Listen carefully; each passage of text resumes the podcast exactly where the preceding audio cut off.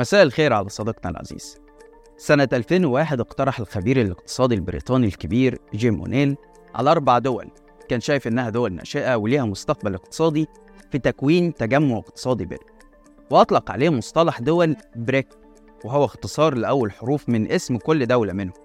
يعني البي البرازيل والآر روسيا والآي الهند والسي هي الصين. الدول دي فعلا بدأت أول تجمع ليها سنة 2006 على هامش قمة الأمم المتحدة بنيويورك لحد ما عقدت أول اجتماع على مستوى رؤساء الدول في مدينة يكاترينبرج الروسية سنة 2009 الدول الأربعة دي بقى كانت عايزة شريك يدخل معاها من قارة أفريقيا. بحسب الصحفي أحمد المسلماني قال إن رئيس البرازيل لولا دا سيلفا عرض على حسني مبارك انضمام مصر لكن مبارك وقتها رفض خوفا من تأثر علاقات مصر بالغرب. فاختارت الدول جنوب أفريقيا عشان تكون العضو الخامس وتعرف من الوقت ده بدول البريكس.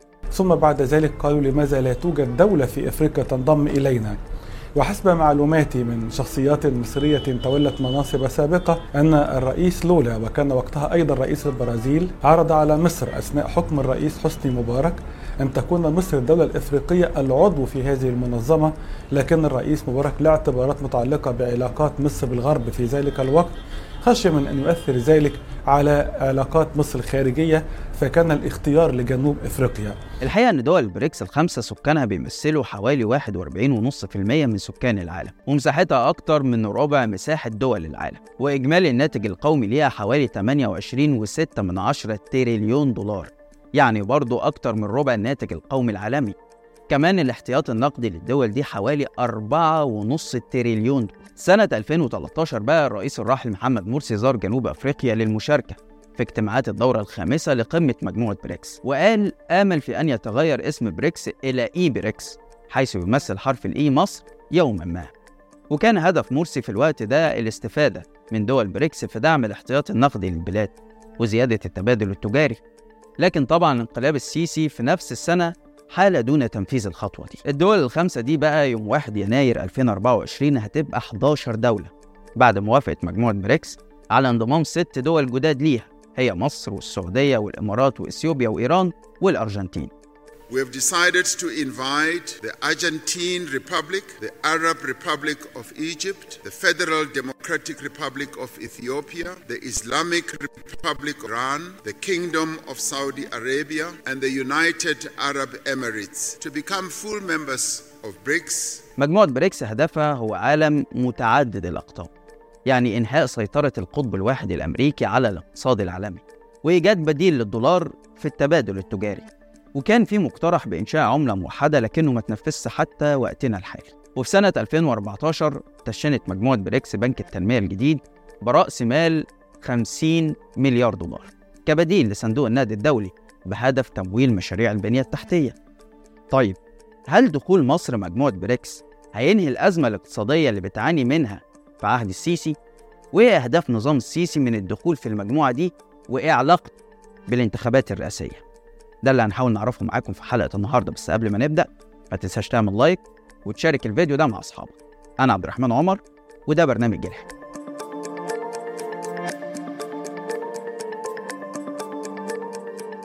وبالتالي النهارده دخول مصر كشريك أساسي وكعضو أساسي في هذا التجمع هيحقق العديد من المزايا، اولا هذا التجمع طبعا له بنك تنمية وهذا البنك التنموي بيقرض اعضائه الرئيسيين بقروض ميسرة وكلها لاغراض المشروعات التنموية ومشروعات البنية الأساسية. وبالتالي ده بيفتح لمصر أفاق جديدة في الحصول على تمويل بقروض ميسرة لاستكمال كل المشروعات التنموية الرئيسية واحتياجاتها وتلبية احتياجاتها. وبالفعل الفترة اللي فاتت كان البنك أتاح 33 مليار دولار لأعضائه علشان يستفيدوا في تمويل مشروعاتهم الكبيرة في هذا الشأن. فبالتالي ده بيفتح لمصر مجال مهم في هذا الشأن. أهلا بيكم. دي كانت تصريحات رئيس الوزراء مصطفى مدبولي في أول تعليق ليه على انضمام مصر للبريكس.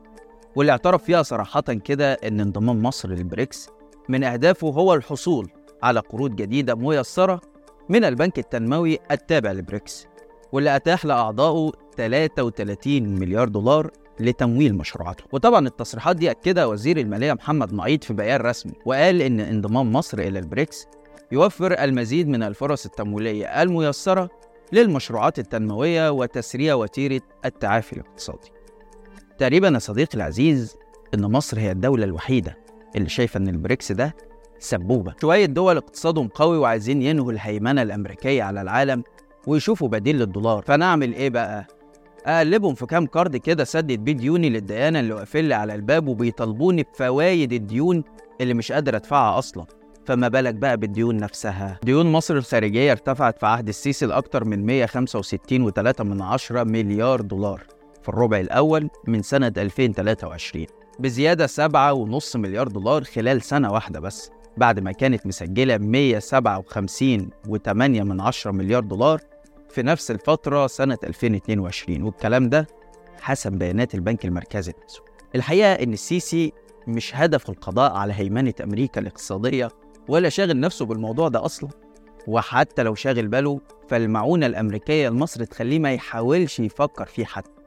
لأن كل اللي شاغل باله إزاي يشوف سكة جديدة يجيب بيها قروض. بعد ما صندوق النقد الدولي ودول الخليج زهقت منه وبيطالبوه بسداد فوائد الديون وتغيير سياسته الاقتصادية زي مرونة سعر صرف الجنيه وبالتالي تعويمه ثالث ورابع وخامس مرة ويوصل الدولار ل 100 جنيه. طبعا غير طرح شركات الجيش في البورصة والإجراءات الاقتصادية اللي السيسي خايف يغضب الجيش بيها. طيب هل السيسي مش هياخد قروض بقى من صندوق النقد الدولي ويكتفي بالقروض الميسرة من بنك التمويل التابع لبريكس؟ الحقيقة لا.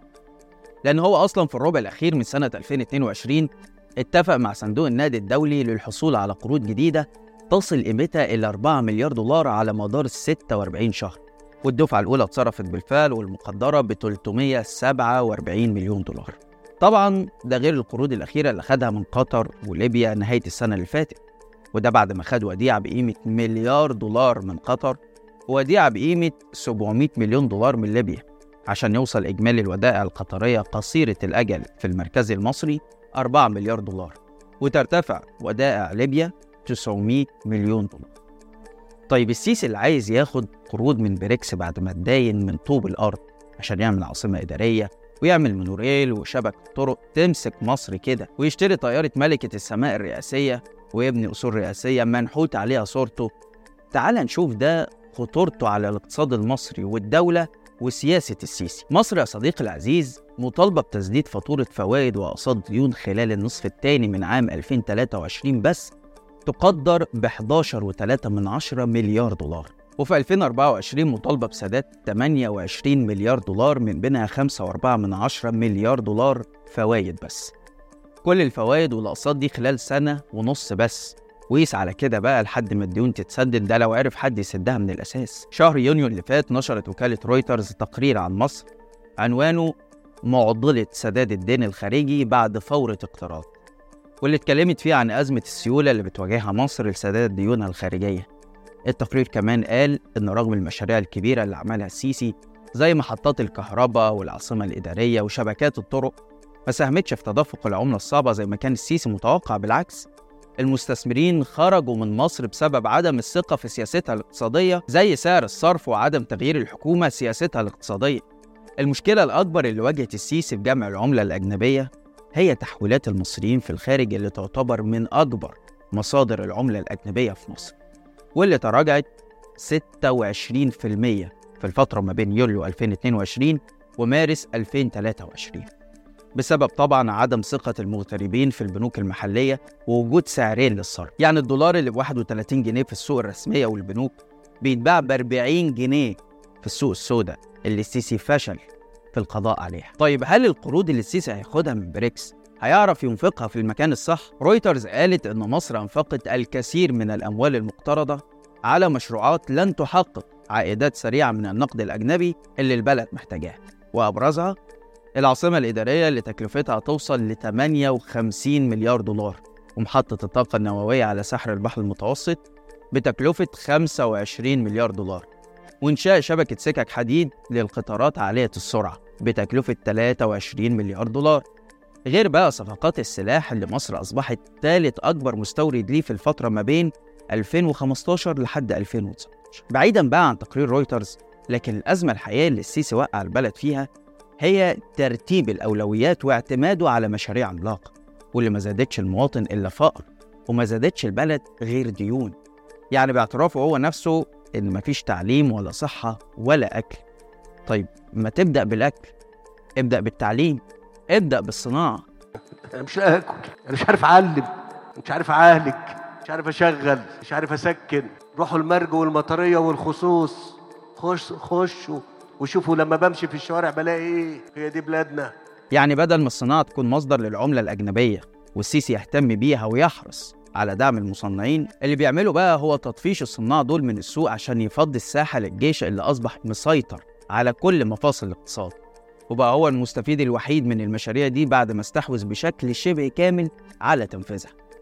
هل السيسي بقى معترف بالفشل الاقتصادي ده وبأزمة الديون وبيحاول يعالجها؟ الإجابة لأ. هو شايف إن سبب الأزمات دي هي ثورة يناير والأنظمة السابقة اللي خلت البلد كهن فقرر بقى هو يستلف المليارات من كل دول العالم. طبعا ده غير المنح الخارجية اللي خدها كمكافأة على انقلابه في 2013 خايف حتى لو كانت البلد تخرب عشان الكرسي. يقعد هو ونخرب فيها ونخليها كهن ونخليها إيه يا دكتور مصطفى؟ كهن بلد كهن سكة حديد تعبانة وطرق تعبانة. ومواني تعبانة كله تعبان. مش فكرة إرادة لا لا. الناس كانت عارفة كويس العلاج. العلاج عايز فلوس. ولما تحط الفلوس اللي هتاخدها من البنوك تقدر إيه؟ تطور وتزود. لا ترجعها. وترجعها. طيب نرجع لموضوع بريكس وبعيدا عن موضوع الاقتراض منها. هل مصر تقدر تستفاد من المجموعة دي ومن إنهاء سيطرة الدولار؟ الحقيقة إن الإجابة آه ولأ في نفس الوقت. هقول لك إزاي. الدول اللي انضمت للبريكس أو اللي موجودة فيه هي دول نفطية زي إيران والسعودية والإمارات أو دول صناعية زي الصين والهند وروسيا وجنوب أفريقيا. وده اللي هيخليها تستفاد من التعامل بالعملات المحلية من خلال التعاون مع الدول دي سواء بالاستيراد منها أو بالتصدير ليها. يعني مثلا السعودية عايزة منتجات من الصين والصين عايزة بترول من السعودية. فالاتنين يقدروا يستغنوا عن الدولار ونظام ال SWIFT code اللي بيلزم التحويلات إنها تعدي على البنوك في أمريكا الأول. طيب بالنسبة لمصر بقى مصر عندها إيه تصدره؟ الإجابة مفيش إلا شوية فاكهة وسلع غير أساسية طيب إيه تاني؟ عندها قناة السويس طيب هل مصر عندها استعداد إنها تلغي التعامل مع الدول دي بالدولار في عبور السفن بتاعتها عبر قناة السويس؟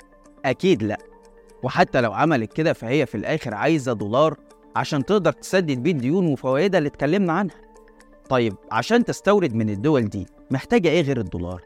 محتاجة عملة الدولة دي زي الروبل الروسي واليوان الصيني. وطبعا مش هتعرف تجيبهم لأن إحنا حجم صادراتنا مقارنة بتصديرنا لدول البريكس ضعيف جدا. يعني مثلا سنة 2022 واردات مصر من الصين سجلت حوالي 14.4 مليار دولار. في حين صادراتها بلغت مليار و800 مليون دولار. وواردات مصر من روسيا بلغت حوالي 4.1 مليار دولار. وصادراتها سجلت 595 مليون دولار بس. واردات مصر من الهند سجلت 4.1 مليار دولار في حين صادراتها سجلت 1.9 مليار دولار. وده مثال بسيط عن التبادل التجاري لمصر مع الدول الحالية اللي موجودة في البريكس. فطبعا الحل يا صديقي العزيز عشان مصر تستفاد من ميزة التبادل التجاري بالعملة المحلية دي لازم صادراتها تكون أكتر من وارداتها على الأقل مع أربع أو خمس دول. طيب هل الدول دي اللي هتدي قروض لمصر هتديها لها كده لوجه الله؟ الحقيقة إن عندنا تجربة صينية في سياستها مع دول أفريقيا وهي إنها بتحاول إغراق الدول دي في الديون عشان تحاول بعد كده تسيطر على مواردها. فمفيش حد هيسلفك عشان جمال عيونك مثلا. دول بريكس يا صديقي العزيز بتواجه كمان أزمات بتهدد فشل تحالفها يعني عندك مثلا الصين أقوى اقتصاد في دول بريكس تعتبر تاني أكبر مشتري للسندات الأمريكية ب 3 تريليون دولار. يعني هي نفسها بتعتمد على قوة الدولار في حماية اقتصادها. كمان في تنافس بين الصين والهند صناعي وتجاري وصراع على الحدود بين الدولتين وتعتبر الهند أقرب للمعسكر الأمريكي وهي عضو في التحالف الرباعي اللي بيضم أمريكا واليابان واستراليا. غير أن التجارة بالدولار بتمثل 80% من حجم التجارة العالمية وهي العملة اللي بيتم تقييم ديون الدول بيها. طيب هتقول لي إزاي يا عبد الرحمن مصر مش هتقدر تستفاد غير بالقروض اللي السيسي هيجيبها من الشرق عشان يسدد بيها ديون الغرب؟ ده أنا أحمد موسى ومصطفى بكري مأكدين لي إن انضمام مصر لبريكس هينهي أزمة الدولار وهينعش الاقتصاد المصري والدنيا هتبقى زي الفل. اليوم بداية بداية لضرب الدولار النهارده النهارده. ولسه كنت بقول لكم امبارح وأول امبارح وأول أول الأسبوع اللي فات واللي قبله بقول لكم القمة دي ولكن النهارده الكلمات تركز على استهداف الدولار. عندنا أزمة في السيولة الدولارية وبنمر بأزمة في استيراد بعض السلع بسبب نقص الدولار وكمان عندنا ارتفاع في أسعار السلع بسبب ارتفاع سعر صرف الدولار مقابل الجنيه. المشكلتين دول إلى حد كبير هيحلهم الانضمام للبريكس. الحقيقة إن النظام ما قداموش حاجة في الفترة الحالية غير الترويج بإن انضمام مصر للبريكس هو الحل لكل الأزمات رغم إن التجمع ده موجود من قبل وصول السيسي للحكم يعني ومش جديد. والدول الخمسة اللي فيه بقالهم أكتر من 14 سنة ولا قضوا على هيمنة الدولار ولا عملوا عملة موحدة واقتصادهم معتمد على حكوماتهم طب ليه بقى النظام بيروج بالانضمام ده إنه هينقذ اقتصاد مصر؟ ببساطة لأننا داخلين على انتخابات رئاسية جديدة وطبعا السيسي ما عندوش حاجة يروج لنفسه بيها ولا يقدر يراهن على صبر الناس اللي هيستنوا سنتين بس وهيشوفوا مصر كده ووعوده إن مصر قد الدنيا ما بقتش جايبة همها فلاك بقى أن تتخيل مدى الفشل اللي عايشين فيه. نظام بيروج لنفسه بقدرته على حل أزمة الديون والدولار اللي هو نفسه كان السبب فيها. فبقى إنجازه الجديد هو محاولة سداد الديون وتوفير قروض جديدة لمشروعاته العملاقة اللي أثبتت فشلها. ويا ريته فعلا هيعرف يعمل ده. الخلاصة صديقي العزيز إن الأزمة مش في أمريكا وهيمنتها والحل مش في بريكس وسياسته. لأن العيب في سياسة السيسي الاقتصادية اللي أثبتت فشلها على مدار عشر سنين. بس كده لحد هنا والحلقة خلصت. شارك الحلقة لو عجبتك وتابع حساب شباك وحسابي على الإنستجرام. هتلاقي اللينك في الوصف وكمان هتلاقي كل المصادر اللي اتكلمنا عنها. واستنانا كل يوم اتنين وجمعة الساعة 8 بالليل بتوقيت القاهرة في حلقة جديدة من برنامج إيه الحكاية. سلام.